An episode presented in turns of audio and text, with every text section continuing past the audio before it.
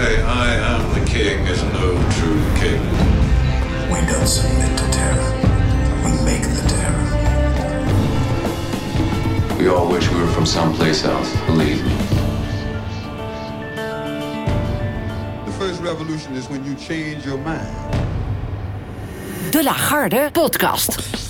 Welkom bij de Lagarde podcast. Ik ben Omar Larabi en naast mij zit mijn collega Brechtje Schudel.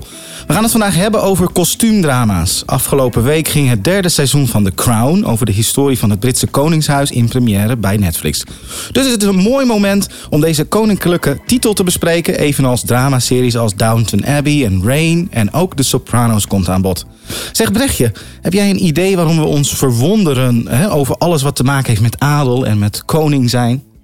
Ja, ik denk dat dat toch uh, vooral het koning zijn, dat dat toch in ieder geval de illusie biedt van uh, een echt sprookje. Dus een echt prins op het witte paard die je echt kan trouwen en uh, hè, die je meeneemt en dat je daarna verder niks meer hoeft te doen en alleen maar in een kasteel mag wonen en leuke functies af mag gaan. En tegelijkertijd, want ik denk dat de Crown beide aspecten belicht. Aan de ene kant dat romantische, die, dat decadente, dat decadente leven. Maar aan de andere kant natuurlijk ook alle problemen waarmee ze geconfronteerd worden. Uh, als het gaat om uh, liefdesaffaires en noem maar op. Dus wat dat betreft is een soort van dualiteit. de, de, de showrunner Peter Morgan heeft nu een derde seizoen dus gemaakt. Dat bij Netflix te zien is. En ik vind het zelf heel mooi drama. Maar ik heb dus wel het idee dat, dat, dat, dat het misschien ook in de toekomst misschien wat iets meer van romantiek ontdaan mag zijn? Of heb jij dezelfde. Ja, nou ja, wat je sowieso al zei van hè, dat, uh, dat, die problemen, dat dat ons ook wel interessant lijkt. Dat, dat snap ik ook wel van gewoon dat je dus aan de ene kant de façade hebt, maar aan de andere kant de kant krijgt om achter de gordijnen te kijken.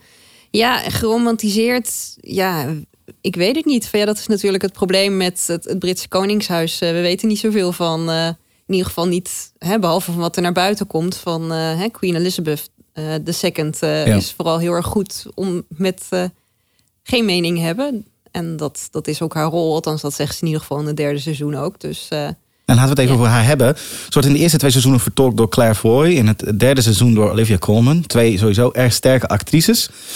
Wat heel interessant is, is tenminste dat was mijn constatering of mijn conclusie.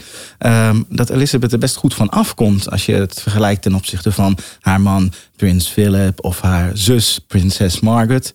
Vind jij dat ook? Ja, nee, zeker. Maar ja, dat, dat komt ook weer terug op van... Hè, zij is degene die uh, geen mening uh, moet hebben... en die er gewoon overal tussendoor fietst. Uh, ik las ook wel een artikel over van dat, die dat juist het probleem vond. Dat zij dus eigenlijk een beetje een void, dus een groot gapend gat is. Mm -hmm. En hè, dat ze de enige manier dat je echt iets van reactie van haar krijgt... is als een van haar, haar familieleden zich weer misdragen... en op het matje geroepen moeten worden. Dus dat, ja, dus dat dat een voordeel is... Dus, ja, dus eigenlijk werkt dat uh, voor de echte prins, uh, of voor de echte Queen Elizabeth wel heel goed. Dat er gewoon zo weinig over bekend is dat dit het dan wordt.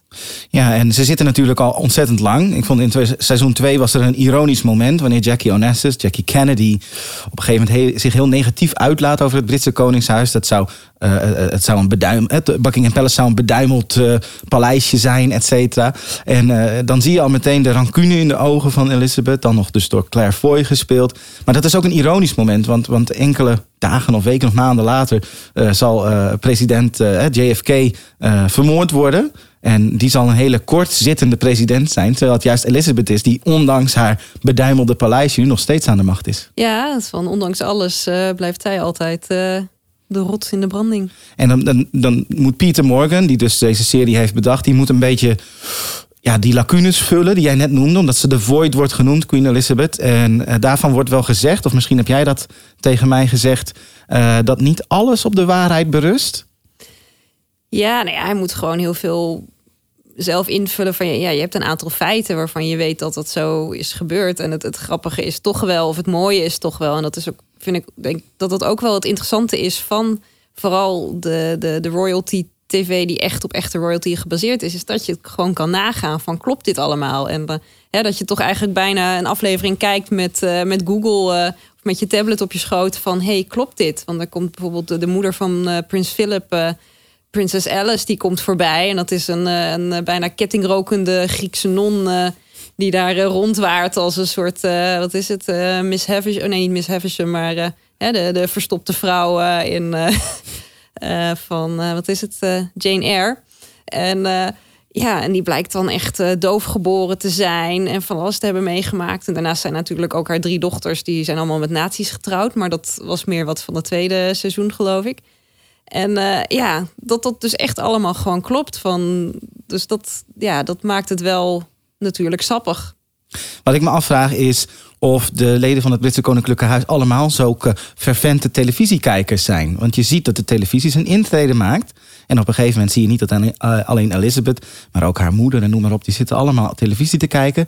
Uh, vaak ook in hun eentje, hè, want er is dus hier sprake van heel veel eenzaamheid. Maar ik vind het een heel interessante component in de serie, omdat uh, de, de, de guilty pleasure vraag bij The Crown is natuurlijk, wat zouden ze er zelf van vinden? En ehm, misschien ben ik een beetje naïef, maar ik had altijd de indruk dat uh, mensen van het Koninklijk Huis in ieder geval pretenderen dat ze niet heel veel media consumeren. In ieder geval niet dat ze aan de buis gekluisterd zitten.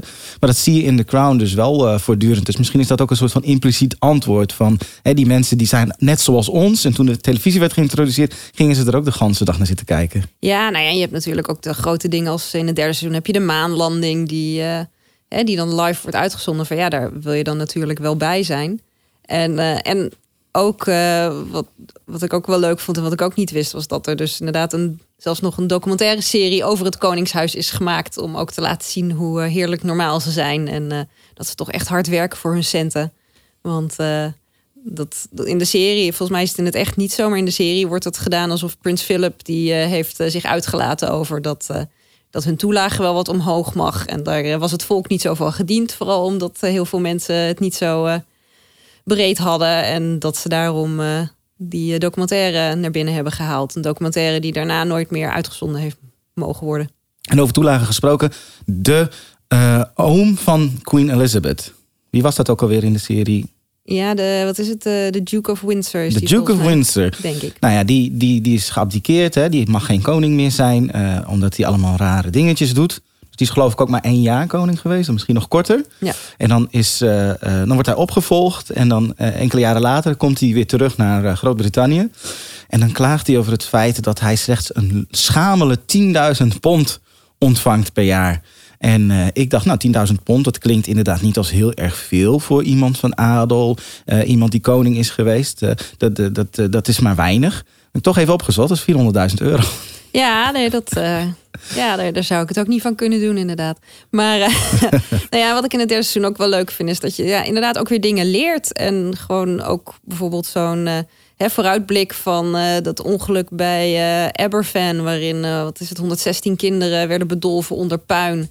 En dat de Queen dan ook zegt van ja, maar hè, een koningin gaat niet op bezoek bij zoiets. En dat dat dan inderdaad al zo'n vooruitblik is op hoe ze later met uh, prinses, de dood van uh, prinses Diana om zal gaan. Ja, ik denk op dat moment, een koningin gaat daar wel naartoe. Een ja. koningin moet daar wel gezien worden. Ja. Maar je ziet heel erg dat ze in zo'n transitiefase zitten van de koningin wil graag aan het grote volk, aan het volk uh, laten weten dat ze ook maar een mens is van vlees en bloed. Maar intussen heeft ze ook bepaalde limitaties zichzelf. Ja, nou ja, en het deed me een beetje denken aan toen hier in, in, Nederland, toen die noodlottige Koninginnedag in Apeldoorn. Van, dat je zo'n foto had van een reactie van Hè, de koningin uh, Beatrix, die echt helemaal gechoqueerd was. En, en Willem-Alexander, die nog niet helemaal wist hoe die kijken moest. Ja. Dat, dat, ja. ja. daar gaat een zekere bevrediging van uit. Dat klinkt heel pervers. Alleen, uh, we hebben, dat zit misschien latent in ons, de behoefte om de mens achter de koning of koningin te zien.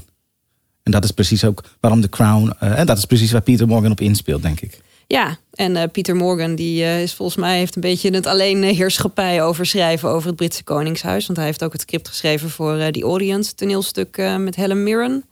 Dat eigenlijk volgt iedere keer dat elke week dat de premiers bij haar op audiëntie komen. En hij heeft ook het script geschreven voor The Queen. Met, ook weer met Helen Mirren. Dus dat als iemand het aan kan, dan is hij het. En wat ik eigenlijk ook nog wel leuk vond aan het derde seizoen was je realiseren dat Camilla, Camilla, mm -hmm. die later Camilla Shand heet. Camilla en later, Parker Bowles. Ja, ja, later zo trouwens met Camilla Parker Bowles. Dat die dus al veel eerder in beeld was. Veel eerder nog dan ja. uh, uh, Diana Spencer. Die pas in seizoen 4 haar aantreden gaat doen. En dat daar inderdaad ook alweer een beetje... Ja, het, het eerste zaadje is geplant van, van het noodlot... wat in de volgende serie zeker zal gaan volgen. En weet je ook hoe, hoe het vierde seizoen in elkaar zal steken? Is dat weer met Coleman als Elizabeth? Ik denk het wel. Volgens mij is dat ja, hebben ze niet zes seizoenen in het vooruitzicht. Dus dan zou ik denken dat het tweede nog wel is. En misschien dat ze dan het derde weer bij Helen Mirren aankloppen of zo. eh. Ja, dat, eh, dat zou best wel kunnen. Over Helen Mirren gesproken. Zij speelt in The Catherine the Great. Dat is een drama. Dat eh, het gaat over Catharina de Grote. Dat best wel goed ontvangen is volgens mij ook in de Verenigde Staten. Maar nog niet aangekocht is door een Nederlandse video-on-demand aanbieder. Dus eh, ja, mocht je je geroepen voelen, eh, koop hem. Video-on-demand aanbieders die luisteren ook. Ja, Helen, Helen, Helen Mirren in ieder geval eh, schijnt daarin best wel goed te zijn. Ik weet niet of jij er wat van hebt gelezen Nee, daar heb ik ook nog niks van gehoord. Ik heb wel, als we het nu toch hebben over hè, Queen Elizabeth II, die wordt dan een beetje als een gapend gat omschreven. Ik heb wel nu net, eh, ben eindelijk begonnen aan eh, Victoria met eh Jenna Mhm. Louise Coleman. Het tweede en derde seizoen zijn volgens mij bij NPO Start Plus te zien. Het eerste seizoen helaas niet, dus die heb ik ook maar even snel Blu-ray aangeschaft.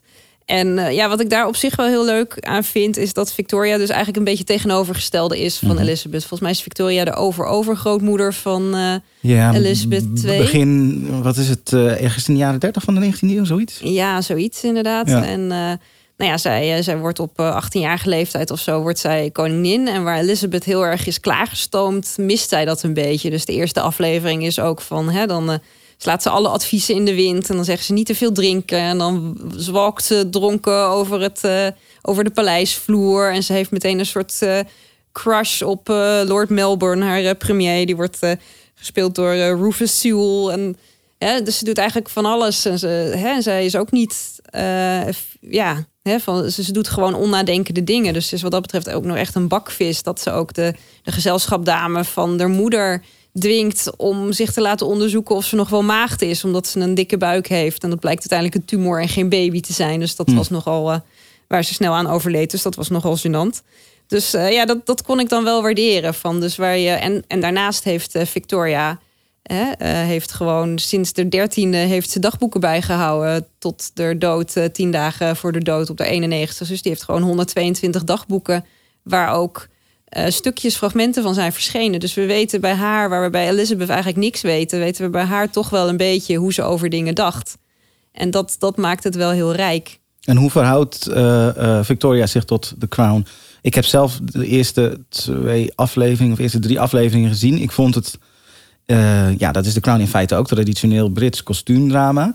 Ehm, dat wil ik ook wel even toelichten. Ik vind The Crown echt mooi geschreven. Het is geen authentieke of innovatieve televisie. Het is een lineair gebracht verhaal. En het zijn vooral de acteerkwaliteiten en het scenario die, die, die, die tot een goede, goede serie maken. Ik vond Victoria nog traditioneler in die zin. Oké, ja, ik kijk niet heel erg veel kostuumdrama's. Ik vind The Crown vind ik altijd wel heel leuk. En denk dat ik Victoria toch ook wel afkijk. En het is daar, hoewel wat ik ook al dat probleem had met politiek drama's, daar het gekonkel nog wat meer is. Dus inderdaad, dat er achter de schermen van alles wordt gedaan. En dat eh, hè, ze meteen al eh, een enorme, ze heeft al tijden een enorme hekel aan eh, de speciale vriend tussen aanhalingstekens van haar moeder, Lord Conroy, die echt van alles aan het bekokstoven is en, en wat dan ook. Dus dat, ja, dat, dat, dat zit er wel echt meer in. En toch nog wat meer intrige, althans wat meer sappige dingen dan in, eh, in The Crown, denk ik.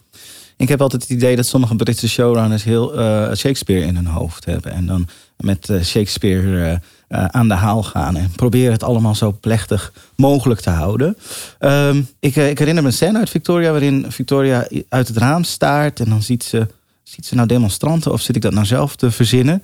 In ieder geval, ze staat uit het raam en ze, ze bezigt een bepaalde uitspraak. En ik moest denken aan Marie-Antoinette van, eh, van Sofia Coppola.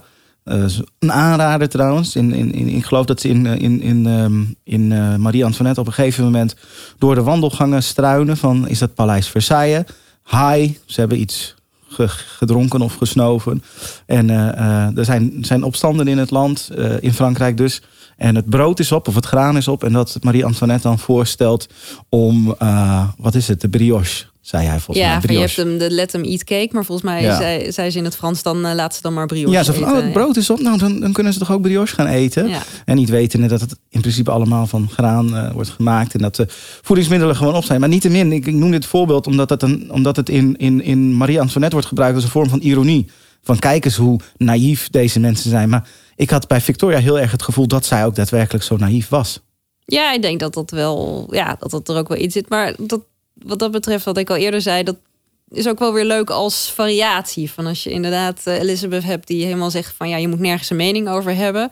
En je hebt dan daarnaast een opstandige Victoria die eh, hè, van alles eh, zelf wil bepalen en niet de gezelschapsdames wil wisselen omdat de premier nu geen Tory of Whig of Labour of wat dan ook is. Dat, ja, dat, dat vind ik dan wel, ja, dat heeft ook wel weer een charme.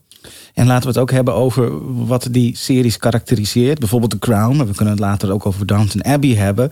Is de geschiedenis, eh, de, de, de, ja, hoe noem je dat? De voortstuwende kracht van de geschiedenis. eh, die, dat, daarmee gaat gepaard dat dat oude type van adel een beetje verdwijnt. Hè, we zien dat in, in, in Groot-Brittannië het Koningshuis nog bestaat, maar niet in dezelfde hoedanigheid als 100 jaar geleden. En eh, eh, dat het, het volk aan de ene kant dichter bij de adel is gekomen, en aan de andere kant misschien wel verder af is gedreven van de adel. Maar je ziet in The Crown en in Downton Abbey de concessies die de adel moet doen om te kunnen blijven voortbestaan. Ehm, ja, nou ja, zo heb ik er eigenlijk nog nooit zo naar gekeken. Van het, het is natuurlijk, ja, het, het blijft, de symboliek blijft wel bestaan, maar eh, ja, het zal ook niet zo rijk meer zijn. En eh, Het is, het, is een, het is eh. een soort van banale. Dat constateer ik zelf is niet banaal, maar het is een beetje banaal. Wat ik al zei over iedereen gaat televisie kijken. Ehm, eh, mijn opa die eh, was hoefsmid en ging later een, een bedrijf beginnen in een klein dorpje in Groningen. En hij was in het dorp het eerste met een televisie. Of eigenlijk het gezin van mijn moeder wa- waren het eerste met een televisie. Dus ging iedereen eh, achter de ramen televisie staan kijken bij hun.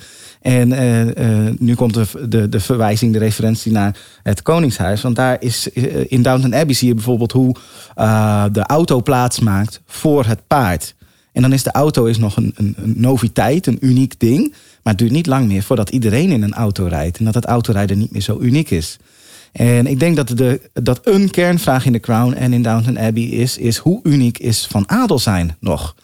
En dat is niet een hele rare vraag. Dat is een vraag die speelt natuurlijk al jaren, decennia in de Verenigde Staten. Waar ze geen adel hebben. Dus ze hebben hun eigen adel gecreëerd. En dan kom ik bij, eh, bij de Kennedys uit bijvoorbeeld. Hè, die ook wel eens werden beschouwd als de, eh, de koning en koningin van de Verenigde Staten. Is dat iets wat jou ook is opgevallen? Of? Ehm, nee, niet, niet zozeer, maar er zit wel zeker wat in van eh, de Kennedys. Die hadden ook wel echt een bepaald charme en charisma. En ik denk dat daarbij ook de komst van de televisie hun heel erg heeft geholpen met dat verder te propageren. En eh, nou ja, wat ik wel grappig vond, je had het net over dat ze bij kostuumdramas toch wel een beetje dat, dat Shakespeareaanse aannemen. Van er is nu bij Netflix ook nog een andere, een nieuwe, of een nieuwe film over weer het Britse Koningshuis. eh, maar dan wat verder terug. eh, Henry, of The King, over Henry V. Gespeeld door Timothée Chalamet. Ja. En van de maker van David Michaud, die ook Animal Kingdom heeft gemaakt. En dat schijnt ook wel een beetje gebaseerd te zijn op de, de tragedies, eh, of de, ja, zo'n trilogie die eh, Shakespeare heeft gemaakt. En dat gaat dan inderdaad over eh, ja, Henry V die eh, oorlog gaat voeren met, met Frankrijk. En ja, ik ben wel benieuwd wat vond jij daarvan. Jij hebt hem ook gezien. Ik vond het eigenlijk best wel een interessante film. Ik had vooraf niet al te hoge verwachtingen. Ik heb de laatste tijd best wel veel van dit soort type films gezien. Het is net alsof ze een, in, in Groot-Brittannië een soort bezig zijn met een revival.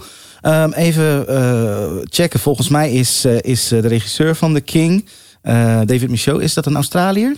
Dat zou best kunnen. Volgens mij is Animal Kingdom ook echt een Australische... Want het scenario is ook. co- eh, Co-scenarist is Joel Edgerton. Dat is volgens mij ook een Australiër. En die zat ook in Animal Kingdom. Ja, ja dat, dus hij heeft samen met, eh, met David Michaud het scenario geschreven. Ik vond het wel een interessante film. Eh, de film die trekt veel bekijks. Dat komt natuurlijk ook omdat Timothée Chalamet... Ik spreek het waarschijnlijk weer verkeerd uit. Maar goed, eh, Ja.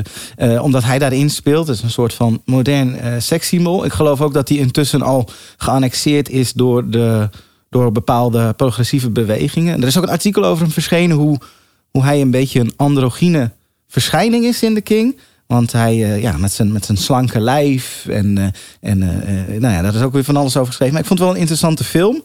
Maar ik krijg bij dit soort films ook altijd een, word ik altijd een beetje overmand door akeligheid. Hè? Want het draait vooral om bloedvergieten en de mannen die elkaar de keel doorsnijden en zo. En het is niet dat ik daar allergisch voor ben, maar het geeft wel een heel ja, akelig beeld van die tijd. Ja, nee, dat... eh, dan, ja, daar word je weer even mee geconfronteerd... dat we vroeger zo eh, aan de macht En kwamen. al- als je wil weten hoe het is om in de modder met elkaar te vechten en wat dat, hè, wat dat eh, voor implicaties heeft, is dat heel interessant. Ik wil nog één ding erover zeggen. David Michaud Die maakte Animal Kingdom. Dat was best wel een, best wel een hit. Dat is eigenlijk een soort van gangster drama over een familie... waarvan sommige familieleden hun geld verdienen met criminaliteit. En ik had gekscherend opgetekend... hey, dat is een Australisch koninklijk drama. Want eh, Joe Edgerton, Jackie Weaver en Ben Mendelsohn spelen erin. Ja. Dus dat zijn toch wel de koninklijke acteurs... als je het hebt over Australië. Moeten we ja, die, overigens... eh, die, doen het, eh, die doen het heel goed. Ja. Ja. wat ik ook wel weer interessant vind van The King is dat, nou ja, er is niet echt een hele grote rel, maar er zijn natuurlijk toch ook wel weer mensen die erover vallen van over hoe bijvoorbeeld Frankrijk wordt neergezet. Ja. Want Ja. Dat eh, vooral eh, de dauphin, dus de kroonprins, die wordt gespeeld door eh, Robert Pattinson. die echt alleen maar snerende opmerkingen kan maken. En uiteindelijk ook weigert mee te vechten eerst. En dan daarna wel probeert te vechten, maar echt gruwelijk ten onder gaat in de blubber. En nou ja, dus er zijn vooral mensen ook overgevallen van en één dat. En twee, als je dan inderdaad leest van hè, die, die arme jongen was in die tijd 18. Die vechtte helemaal niet mee. Die zat gewoon ergens bij papa thuis. En die overleed een paar maanden later aan dysenterie. Dus dat is dan wat minder eh, dramatisch natuurlijk dan eh, dat hij... eh, Ja, je zou die films kunnen beschouwen. En The Crown in zekere zin misschien ook wel als ook een soort vorm van, van verbloemde eh, patriotisme. Tenminste, zo zou je dat eh, kunnen zien. Ehm, over Robert Pattinson gesproken. Hij speelt dus inderdaad de Dauphin, de tegenstander van de Engelse koning. Die wordt dus door Chalamet gespeeld. En he, he talks with a French accent. En dat is nogal opzichtig. ja, een Eh, beetje allo allo eh achtig. Ja. Ik moest vooral eh, heel erg lachen om die passage. En dat had wel wat beter geschreven kunnen worden. Het is eigenlijk ook zonde, want Robert Pattinson is in mijn bescheiden beleving toch een van de beste acteurs van zijn generatie. Ja. ja, nou ik vond het vooral grappig. Hij deed me daar nog meer op een vampier lijken denken. Maar dan vooral een beetje de, de Tom Cruise-achtige van Interview with the Vampire. Met Ja. zijn haar en zijn, zijn dingen. Ja, maar het, het is inderdaad het is toch een beetje zonde dat je dat toch... Hè, steek iets meer tijd in dat je de tegenstander ook nog interessant genoeg maakt. En ergens iets van sympathie of zo. En niet alleen maar... eh, En wat ze ook beter kunnen doen is de titels. Want The King, dat is wel heel erg meta. Hè, dat, eh, Ja. eh, ehm, over, over titels met de King gesproken. Er is ook een andere film bij Netflix. Die heet Outlaw King. Speelt zich af in de 14e eeuw. Met Chris Pine als Robert de Bruce. En Florence Pugh speelt er ook in. En eh, dat wilde ik alleen maar even genoemd hebben. Omdat ik dat een geweldige actrice vind. Ik was niet zo fan van Midsommar. Waar zij in speelde. Daar sta ik geloof ik ook redelijk alleen in. Maar ehm, zij speelde ook de hoofdrol in Lady Macbeth. En dat is echt wel een aanrader. En een prachtige rol van haar. ja, die heb ik ook gezien inderdaad. Dat is ook wel een eh, fascinerend. Was een van de eerste rollen denk ik. Ja, veelbelovende actrice wat dat betreft. Ja. Ja. Nou ja, en als we het dan over je hebt Henry V en een andere ne- Netflix-serie, maar die nog wat meer de romantiek en de, de fictie opzoekt, dat is Rain. Die gaat dan weer over eh, Mary, Queen of Mhm. Ook zo'n saaie titel. Ook zo'n saaie titel. Ja, ook weer inderdaad. Van dat zegt ook niet zoveel. En dat gaat dan in de tijd dat zij eh, natuurlijk, want zij zou dan de officiële koningin zijn. En dat vond Elizabeth, eh, die voelde zich daar een beetje door bedreigd. En eh, ja, ze, ze was haar leven niet zeker. Dus eh, er waren vergiftigingspogingen. Dus dan vindt ze de onderdak bij het Franse Hof. En eh, ja, daar krijgt het aan de stok met Catherine de Medici, haar toekomstige schoonmama, omdat een of andere wijsgeer tovenaar heeft gezegd dat haar zoon snel zal overlijden door haar. En ook dat, ja, als je dan even gaat googlen, soms is Google ook niet zo goed. Want dan google je het en denk je van, ach, die arme jongen was 14 toen hij met haar trouwde en zij 16. En toen hij 16 was, was die overleden. Dus dat, ja, soms denk je ook van, ja, moet je het nou wel of niet willen weten? Ik vind soms spoilers kan ik niet zo goed tegen, maar dan dit, daar houden ze zich waarschijnlijk toch niet aan. Nou, je kan het ook op een andere manier presenteren. Ik moet denken aan Bruno Dumont's Jeannette. Prachtige film. Dan gaat het over de jongere jaren van Jeanne d'Arc. En wat hij doet is, hij, hij eindigt de film... Er is wel een vervolg verschenen trouwens, maar daar hebben we het nu niet over. Hij eindigt de film met het moment dat Jeanne d'Arc een, een, een ingeving krijgt... en besluit eh, eh, haar eh, familie te verlaten. Hè, op weg naar de oorlog. En daar zal ze dan als eh, militair leider zich etaleren. Dus je, hij zegt van, weet je wat, dat hele gedoe met die brandstapel... dat laten wij achterwege. Wij, wij laten hem in majeur eindigen. Daarnaast ben ik, heb ik het met jou gemeen... dat ik inderdaad ook de hele tijd op mijn telefoon zit te kijken. Ook tijdens The Crown. Dan zit ik even op Wikipedia naar allerlei, ja, misschien wel onzinnige dingen te zoeken. En één, één dingetje was dat eh, Elizabeth, dan nog gespeeld door Claire Foy... in seizoen 2 krijgt ze een, een zoon, Andrew... Nou, dat is sowieso al even een, een, een, een bijzondere gebeurtenis, omdat Andrew nogal in het nieuws is, Prins Andrew, de laatste tijd. Maar voordat we daarover beginnen, ehm, eh, ze wordt onder narcose, eh, eh, hoe noem je dat, onder narcose houden, gebracht. Ja. En, en, en, en dan, hè, terwijl zij aan het slapen is, als het ware, wordt het kindje eruit gehaald. En ehm, dat was gebruikelijk in die tijd. En ehm, dat is eigenlijk ja, misschien een beetje een rare manier van geboren worden. Dat je moeder eh, aan het slapen is. Ehm, maar even later wordt ze, eh, bevalt ze opnieuw van een kind. En dan zie je dat ze, het zelf, eh, dat ze er zelf bij bewustzijn is. eh. Maar goed, over Prins Andrew. Die was natuurlijk veel in het nieuws eh, de laatste tijd.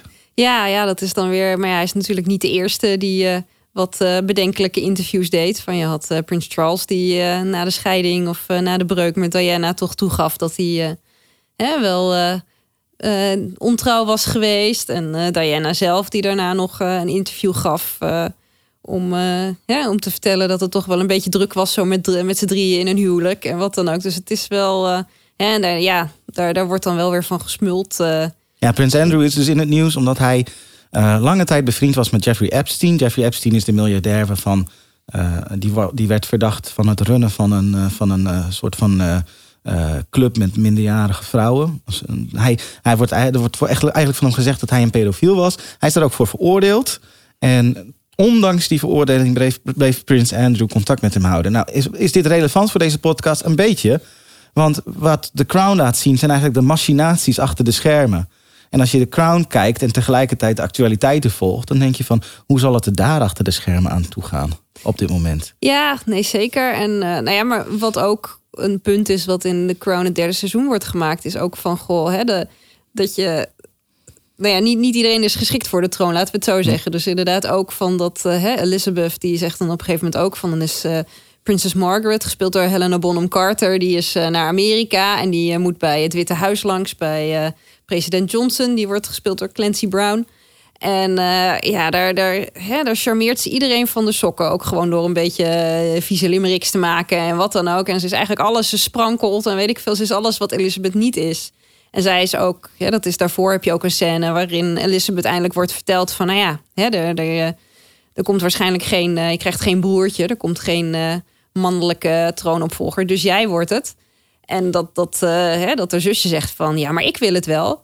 En dat er dus een hele discussie is over van ja, maar degene die het per se wil, is niet per se de juiste persoon. Dus dat je inderdaad ook ziet van net zoals de oom van Elizabeth, die eh, hè, heel uitgesproken is, van dat, dat hoort eigenlijk niet. Dus dat, hè, en om toch weer terug te komen op dat Elizabeth juist zo'n gapend gat is, dat maakt er zo'n goede koningin om te doen wat te doen. Ze is niet uitgesproken of wat dan ook.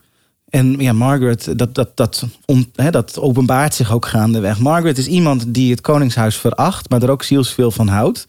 Elizabeth heeft wel eens gezegd van, nou ja, ik hoefde dit niet per se te doen. Margaret wil het dolgraag doen, maar als het haar niet lukt, dan, hè, dan reageert ze ook heel erg kwaad. En ik denk, ja, ze wordt eigenlijk neergezet als een bijzonder hypocriet eh, mens. En op het moment dat ze eh, daar bij Johnson in het eh, Witte Huis er zo'n feestje van maakt, eigenlijk een beetje ordinair, zeker in de ogen van Elizabeth, dan zie je dat ze zich ook heel goed kan aanpassen aan de andere mores, aan de Amerikaanse mores. En eh, dat vind ik ook wel eh, markant, want Amerikanen worden in dit soort drama's toch vaak neergezet als eh, boerenkinkels. Hè. Als, als Kennedy Elizabeth ontmoet, dan vergeet hij de juiste aanhef te gebruiken en de juiste gebaren te doen. En dat is ook wel interessant. Maar ehm, Elizabeth heeft niet hele gekke dingen. Nee. Elizabeth is eigenlijk een beetje saai. Ja. En daar hadden we het eerder ook al over. De acteurs die ze vertolken, eh, dat past daar heel goed bij. En, eh, en volgens mij had jij het idee bedacht dat, eh, dat, dat, dat, Elizabeth.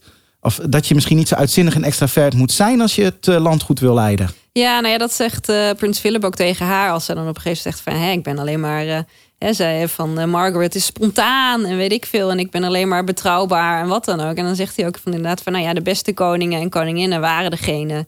die juist betrouwbaar waren en saai. En, eh, hè, en dat was inderdaad haar oom die ook eh, hè, meteen al liet zien van... eh, ja, dat hij toch echt geen koningsmateriaal was. Van, hè, van meteen een paar maanden later nadat hij was opgestapt... ging hij bij Hitler op de koffie. En, eh, en wat dan ook. Dus dat dat inderdaad. Hè, en wat, wat zijn haar oom dan ook weer bedacht, natuurlijk door Peter Morgan zelf. Van op zijn sterfbed aan haar toe geeft van hè, de, de kroon vindt altijd zijn weg naar het juiste hoofd. Dus, eh, Ja, wat dat betreft eh, eh, gaat The Crown ook over wat is goed leiderschap. En nogmaals, ik vind het een prachtig drama, maar het is wel een tikkeltje conservatief. Een tikkeltje is misschien, eh, het is erg conservatief in dat opzicht. Dus het is prachtig om naar te kijken. Ehm, maar het gaat over goed leiderschap en wat goed leiderschap precies is en, en, en wat moraliteit is. En, ik, ik ben het niet overal mee eens. Maar wat je wel zou kunnen stellen is dat bijvoorbeeld als je het hebt over leiderschap, dan gaat het ook over Winston Churchill. Winston Churchill was een belangrijke eh, minister-president voor de Britten gedurende de Tweede Wereldoorlog. Dat was iemand die bouwde beslissingen kon maken en eh, die heel snel kon schakelen. Ehm, na de Tweede Wereldoorlog komt er een andere Britse premier en dan ergens in 1950 komt hij weer aan de macht. Hè, als, eh, als Tory. En eh, dan zien we dat het hem eigenlijk niet zo goed lukt. En jij, hebt het, jij zegt van, je, je, krijgt als, als vorst krijg je kinderen. En dan moet je maar hopen dat er eentje tussen zit die het kan. Ja. Maar je ziet ook dat het ha- afhangt van de context, van de omstandigheden. Ja, dat is toch ook die eh, be- beroemde uitspraak in eh, de eerste Godfather met eh, hè, de, de consi- consiglieri. Dat ze dan uiteindelijk, hè, they go to the trenches of de weet ik veel. En dat dan de huidige raadsheer, die wordt buitenspel gezet. Omdat ze ook echt zeggen van, you're not a wartime consiglieri. En we moeten eentje hebben die dat, die dat aan kan. Eh, maar ja, ik denk wel dat er aan de andere kant wat in zit. Van dat is zo'n heel punt van eh, hè, wat ze ook met haar zoon Prins Charles heeft, waar ze eigenlijk het meest onsympathiekst overkomt in de hele serie. Eh, en hij wordt ook eh, eigenlijk met iets, vind ik zelf, met iets te veel charisma gespeeld door eh, Josh O'Connor, die ook eh, God's Own Country zat en eh, in Only You. En eh, dat hij dan ook eh, ja, roept van ja, maar ik heb een stem. En dat zij dan ook zegt van ja, niemand wil het horen. en of dat dan alleen het volk is of ook de familie, dat, dat neemt ze allebei. Want dan vraagt, zo, vraagt hij ook nog van ja, maar wie, als wie zeg je dat nou? En dan herhaalt ze nog een keer: No one. Niemand wil het horen. Ja, als je die serie kijkt, je komt meer te weten over het Britse Koningshuis. En je gaat ook op een andere manier naar Charles kijken. En dan, ja, dan, dan laat ik me ook inpakken. Want dan denk ik, oh, wat een arme man is het eigenlijk. Ja. Dat zie je eigenlijk helemaal niet aan hem in, alle- eh, eh, tijdens de publieke optredens. Nee, maar wel, ja, hij is wel, wat er wel in overkomt is van hè, het- een hele invoelende man. Maar wat wel heel duidelijk is, wat ook de serie wel weet, en eigenlijk iedereen en de ouders ook wel, is van hij is niet koningsmateriaal. Van, Nee. eh, hè, ook het feit dat hij eh, zegt dat hij zichzelf toch wel heel erg in zijn oom meent te herkennen. En ook in zijn eh, idealen en wat dan ook. Ja, dat zijn geen goede signalen die je afgeeft. En, Nee, eh, rare hè, idealen. ja, hè, en we zullen waarschijnlijk eh, hè, van eh, nooit meemaken. Of althans, ik hoop toch dat we nooit meemaken dat Prins William ooit eh, op tape staat. Dat hij eh, graag de tampon van eh, prinses Kate zou willen zijn. Maar dat.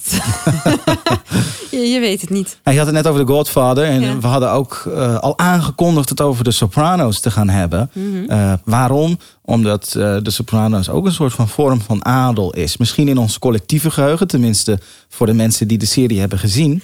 Sopranos gaat natuurlijk onder meer over The American Dream. En ik had al gezegd, The American Dream is het hoogst haalbare. Is het maken, is miljonair of miljardair worden tegenwoordig. Ehm, in lange tijd was het hoogst haalbare eh, ja, exclusief. Hè, dat ging over, om nepotisme, om erfopvolging. In Groot-Brittannië was het hoogst haalbare om de vorst te worden. Eh, Britannia rules the waves. Hè. Dat, zit- dat zit in The Crown ook heel erg natuurlijk. Hè. Dat eh, Groot-Brittannië ontzettend machtig was. En toen kwam de Tweede Wereldoorlog en toen lieten ze die macht uit hun handen glippen. En toen hadden ze opeens heel veel economische sores. En wilden ze heel graag tot de EEG Precies. toetreden. Ja. En dat, dat, dat, dat, dat had ik nog niet eens over nagedacht. Maar dat Ja. is natuurlijk een Brexit Ja, knipoog. Maar de, Sopranos is, is, eh, is een mooi voorbeeld van eh, het streven naar die American Dream. En hoewel de American Dream springlevend is onder sommige Amerikanen... zijn veel verbeeldingen van de American Dream... There Will Be Blood bijvoorbeeld, om er maar eentje te noemen... die geven vaak een heel naar beeld. En dat het eigenlijk helemaal geen gouden pot aan het einde van de regenboog staat. En dat, heb ik in, dat heb ik met de Sopranos ook. Maar de Amerikanen die zoeken ook naar hun eigen nobiliteit, hun eigen vorsten. En eh, eh, The Godfather of Tony Soprano is daar ook een voorbeeld van. Ja, ja. Nou ja, we hadden het nu over de Amerikaanse vorst. Ik wil ook nog heel even terug, want die hebben we natuurlijk nog helemaal niet benoemd. De Nederlandse vorsten. Ja. Want eh, ja, je kan je natuurlijk afvragen, we hebben nu zo'n mooie The Crown-serie. Van gaat er ooit nog een mooie Netflix-serie over het Nederlandse vorstendom eh, gebeuren? En ik, ik had eerst echt zoiets van, ja, zou, dat überhaupt kunnen over Bea en eh, in de familie. Wat denk jij?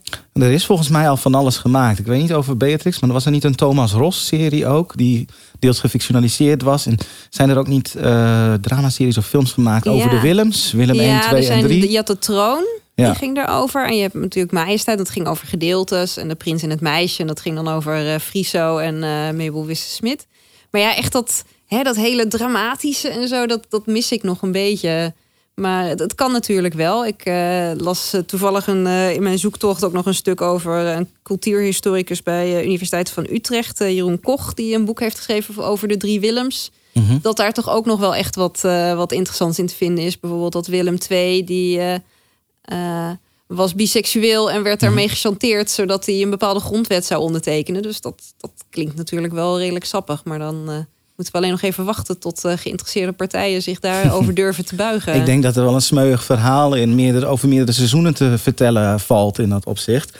Maar dat heeft er meer mee te maken dat, eh, dat, dat, dat de Crown eigenlijk een soort van indicator is van iets wat we eigenlijk ook wel weten. Dat zijn ook maar mensen. Het zijn ook maar mensen, daar komt het op neer. En wij willen weten wat die mensen daar doen achter gesloten. Ja. Ja, ik weet niet. Maar ik ben inderdaad wel benieuwd van waarom dat dan... Of speelt het hier dan minder? Of zijn we gewoon wat nuchterder in hoe wij eh, met het Koningshuis omgaan? Dat we wat meer sneller... eh, Nou, er is toch veel over Prins Bernhard Ja. ook eh, geschreven. En daar zijn ook best wel wat lelijke dingen over geschreven wat dat Ja. betreft. Ehm, het zou kunnen. Misschien is dat een, een verbeelding. Maar dat wij vanuit ons protestant, vanuit ons Calvinisme...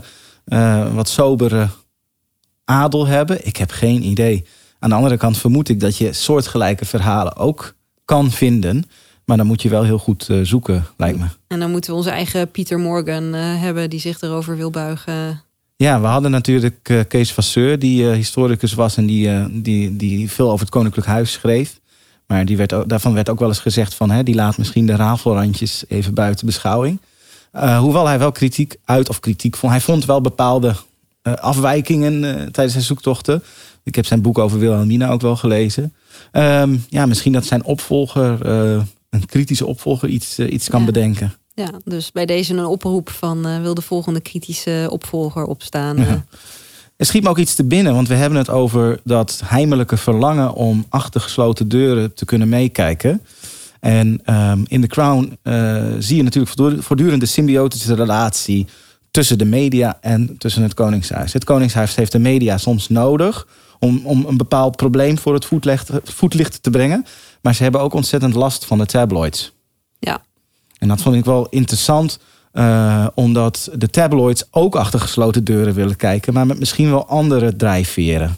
Ja, die, die willen sowieso van wij, wij willen misschien gewoon zien dat ze normaal zijn en dat ze ook gevoelens hebben. En de, de tabloids zijn meer op zoek naar de, de echte rotzooi en de, de lekkere smeuïge dingen. Ik, eh, ja, ik las ook al wel ergens, of volgens mij was dat diezelfde cultuurhistoricus eh, Jeroen Koch, die zei van eh, hè, het is in Nederland gewoon wat netter geregeld ook. Dus dat ze daar wat, hè, dat daar de pers zich wat beter houdt aan van hè, er zijn nu fotomomenten en verder laat je Amalia met rust. Die zoek je niet op op de middelbare school of je infiltreert niet hè, je, je dochter daar om, om aan leuk materiaal te komen. Dus dat dat, hè, dat, dat in het Britse Koningshuis wat, wat meer de spuigaten uitloopt. En dat, ja, het lijkt wel bevestigd te worden door hoe eh, hè, ehm, prinses eh, Meghan, is het prinses Meghan of is het Duchess Meghan? Ik weet dat ik eigenlijk niet. Meghan Markle. eh, Misschien is ze nu Duchess en gaat ze net als Prins Philip op een gegeven moment zeggen van ik, ik mag me helemaal nergens mee bemoeien, dan wil ik graag Ja. prinses worden. Ja, maar dus de, de vrouw van Prins Harry, die toch wel echt heel erg wordt achterna gezeten door de paparazzi. Ja, je vraagt je af hoe je dat zulk werk kan doen.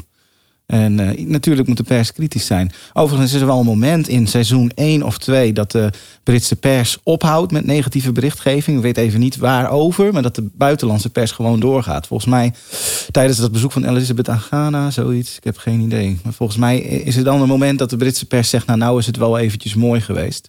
Ja. Zal dat tegenwoordig natuurlijk heel anders zijn. Ik, ik kan me herinneren uit het eerste of tweede seizoen... het moment dat Elizabeth zich realiseert... dat ze eigenlijk alleen eh, in haar jeugd veel onderwijs heeft gehad over de grondwet. En dat ze over veel andere zaken eigenlijk helemaal niets weet. Of het nou wiskunde betreft of geografie. En eh, dat ze tegen een professor zegt... kan jij mij eh, dat, dat leren? Ja. En dat alle informatie die ze in principe aan hem geeft... hartstikke kostbaar is. Maar je weet natuurlijk dat hij er niets mee gaat doen... omdat Ja. het een eerlijke man is. Maar dat, is wel, dat was voor mij wel een soort moment dat ik dacht van... ja, dit soort banale informatie is duizenden euro's waard. Ja, nee, zeker.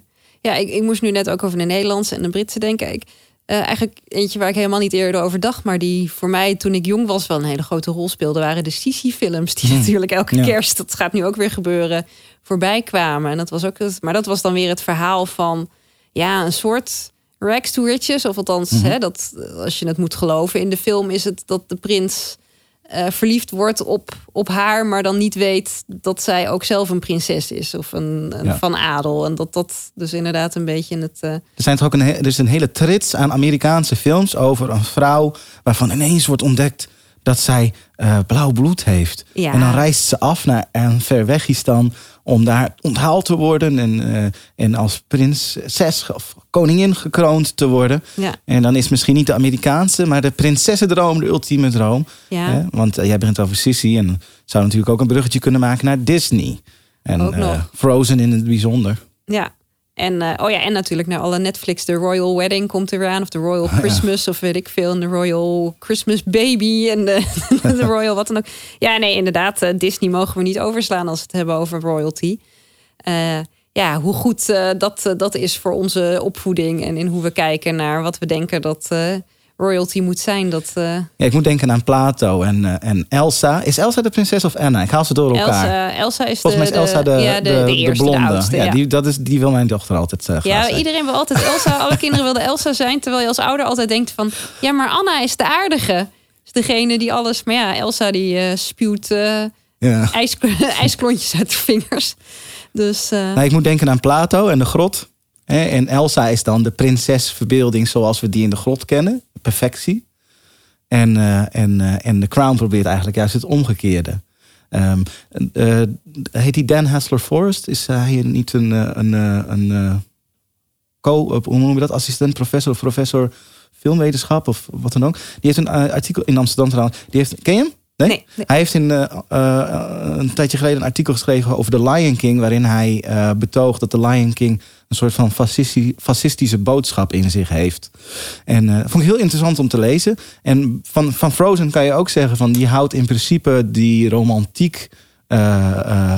die blijft maar doorgaan op die manier. Ehm, en, en Frozen leert ook eigenlijk de kijkers iets dat niet waar is.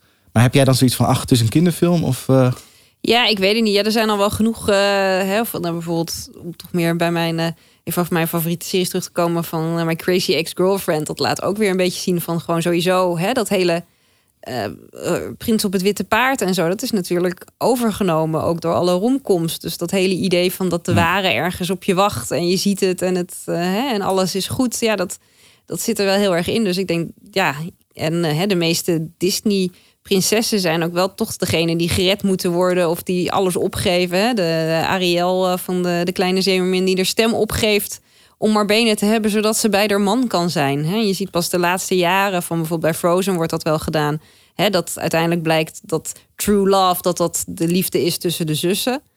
En ik heb nog wel een interessant artikel gelezen over de, de, de subtekst, subtekst van dat Elsa, omdat ze zo duidelijk niet seksueel is, dat ze maar eh, geconfiskeerd is door eh, de LGBTQ-community. Van nou, dan is ze, dan is ze queer of gay. En dat, eh, maar ja, dat je er wel heel erg naar moet graven. Van, het was eh, Emily Todd van der Werf die dat schreef over eh, bij Foxconn. Maar die zei dan ook van ja, hè, Elsa is, eh, is een gay icon, net zoals dat een. een eh, hè, een, een doos van de IKEA een sofa is. Van je Ja, moet er ja. heel veel werk in zetten om, het, eh, om dat erin te zien. Dus ehm, ja, ik denk niet. Ze, ze proberen het natuurlijk wel. Van je hebt ook wel wat, wat soort prinsessen die erbij worden gehaald, zoals eh, Merida, eh, Kenny MacDonald in Brave. Die ook wil zeggen van ik wil zelf kiezen. En dat gaat uiteindelijk niet om de liefde, maar om haar en de moeder. En Vanellope in uh, Wreck-It Ralph is ook een soort prinses. Die gaat het ook meer over van ze wil zelf doen waar ze gelukkig in wordt. Maar ja, over het algemeen kijk je niet naar Disney-films om dan te leren van ik ben een zelfstandige vrouw die zelf de eigen keuzes mag maken. En een man is daar niet heel belangrijk bij. Nou, waar, waar, waar die docent waar ik het net over had over schrijft, is volgens mij ook dat de Lion King pretendeert eh, te propageren voor gelijkheid. Maar dat het gaat over een Lion King. En Ja. over de eh, hiërarchische verhoudingen in het oerwoud, waar de leeuw bovenaan staat. En eh, dat zou je natuurlijk koppelen aan erfopvolging. Hè? Dat ehm, ehm, het nageslacht van Elizabeth per definitie belangrijker is dan eh, de rest van de bevolking van Groot-Brittannië. Ja, nou ja, en Lion King is natuurlijk ook weer gebaseerd ergens op Hamlet. Ja. Dus dat. Ik moet ook denken aan Sinterklaas en Zwarte Piet. Want eh, ehm, en er zijn heel veel kinderen die daar dan in geloven. En eh, eh, net zoals bij die Disney-films in feite, is dat we gebruik maken van de verbeeldingskracht van kinderen. Daarom vind ik het ook altijd heel moeilijk om dan te zeggen van hè, ga die films niet kijken. Maar ze zijn natuurlijk gewoon een vorm van escapisme. Ja. Ja, en het, is, het zit er nog steeds in van. Hè, als ik dan eh, nu toch, als je Disney Plus weer hebt, ga je toch even langs. En dan denk je van, oh, deze film is er. Oh, die zag ik vroeger. Dus het, ja, dat, maar ja, hè, ik zou het mijn kind ook niet onthouden. Maar ja, je realiseert je wel dat dit niet een. Hè, er zijn betere voorbeelden waar je je kinderen aan kan Ik blootstellen. denk dat ik mijn, mijn dochter, dochters maar moet vertellen elke keer een disclaimer voordat ze dus niet filmen. En dan verpest ik. Ik- Weet je wat ik tegen ze moet zeggen? Dat ga ik niet doen hoor trouwens. Nee. Van eh, zo ziet, eh, dit is niet het echte leven. En dan denk ik, eh, want laten we wel wezen, als jij tien Disney films kijkt en daarna stap je het echte leven in, kan het best wel een teleurstelling zijn. Ja, dan valt het alleen maar tegen. En Ja. Niemand, eh, geen vogeltjes die eh, in je haar gaan zitten en zo. Ik, eh, ik zat nog heel even bij hè, die, die alternatieve royalty waar we het over hadden, zoals de Sopranos. Ik moest ook wel denken aan de serie The Romanovs. Van, op Amazon was die te zien van Matthew Weiner van Mad Men. Niet een hele goede serie, maar daar gingen elke aflevering ging ook over iemand die ergens dacht dat hij misschien van de Romanovs, dus van de Russische tsarenfamilie, eh, af zou stammen. En dat, ja, dat het dan toch nog ging over ja, hoe belangrijk zo'n naam dan is of zo'n titel. En het, deed me ook denken aan een film die straks eh, op ITVA ook te zien zal zijn. En eh 6, wat is het, 6 december ook de Nederlandse filmnacht gaat zijn. eh, een documentaire King of the Cruise eh, van Sophie Dros. Komt 12 december komt die gewoon uit. En die volgt ook een, eh, een baron, baron Ronald Busch-Reisinger... die eh, echt eigenlijk nog veel langere titel heeft. Echt met 30 namen, geloof ik, die hij ook allemaal natuurlijk kent en kan uitspreken. En eh, ja, dat, er zit dan ook een moment in, een heel treurig moment. Want hij gaat alle cruises af. En eh, aan iedereen wil hij laten weten dat hij baron is. Dus als iemand tegen hem zegt van... Goh, eh, Mr. Reisinger, dan zegt hij baron. Of eh, hè, van, hé, hey, wat doe jij? En dat zegt hij dan alleen maar omdat hij wil weten... Dat hij wil vertellen wat ja, hij zelf allemaal is En dat hij op een gegeven moment ook wel zegt van... ja, als ik die titel van baron had...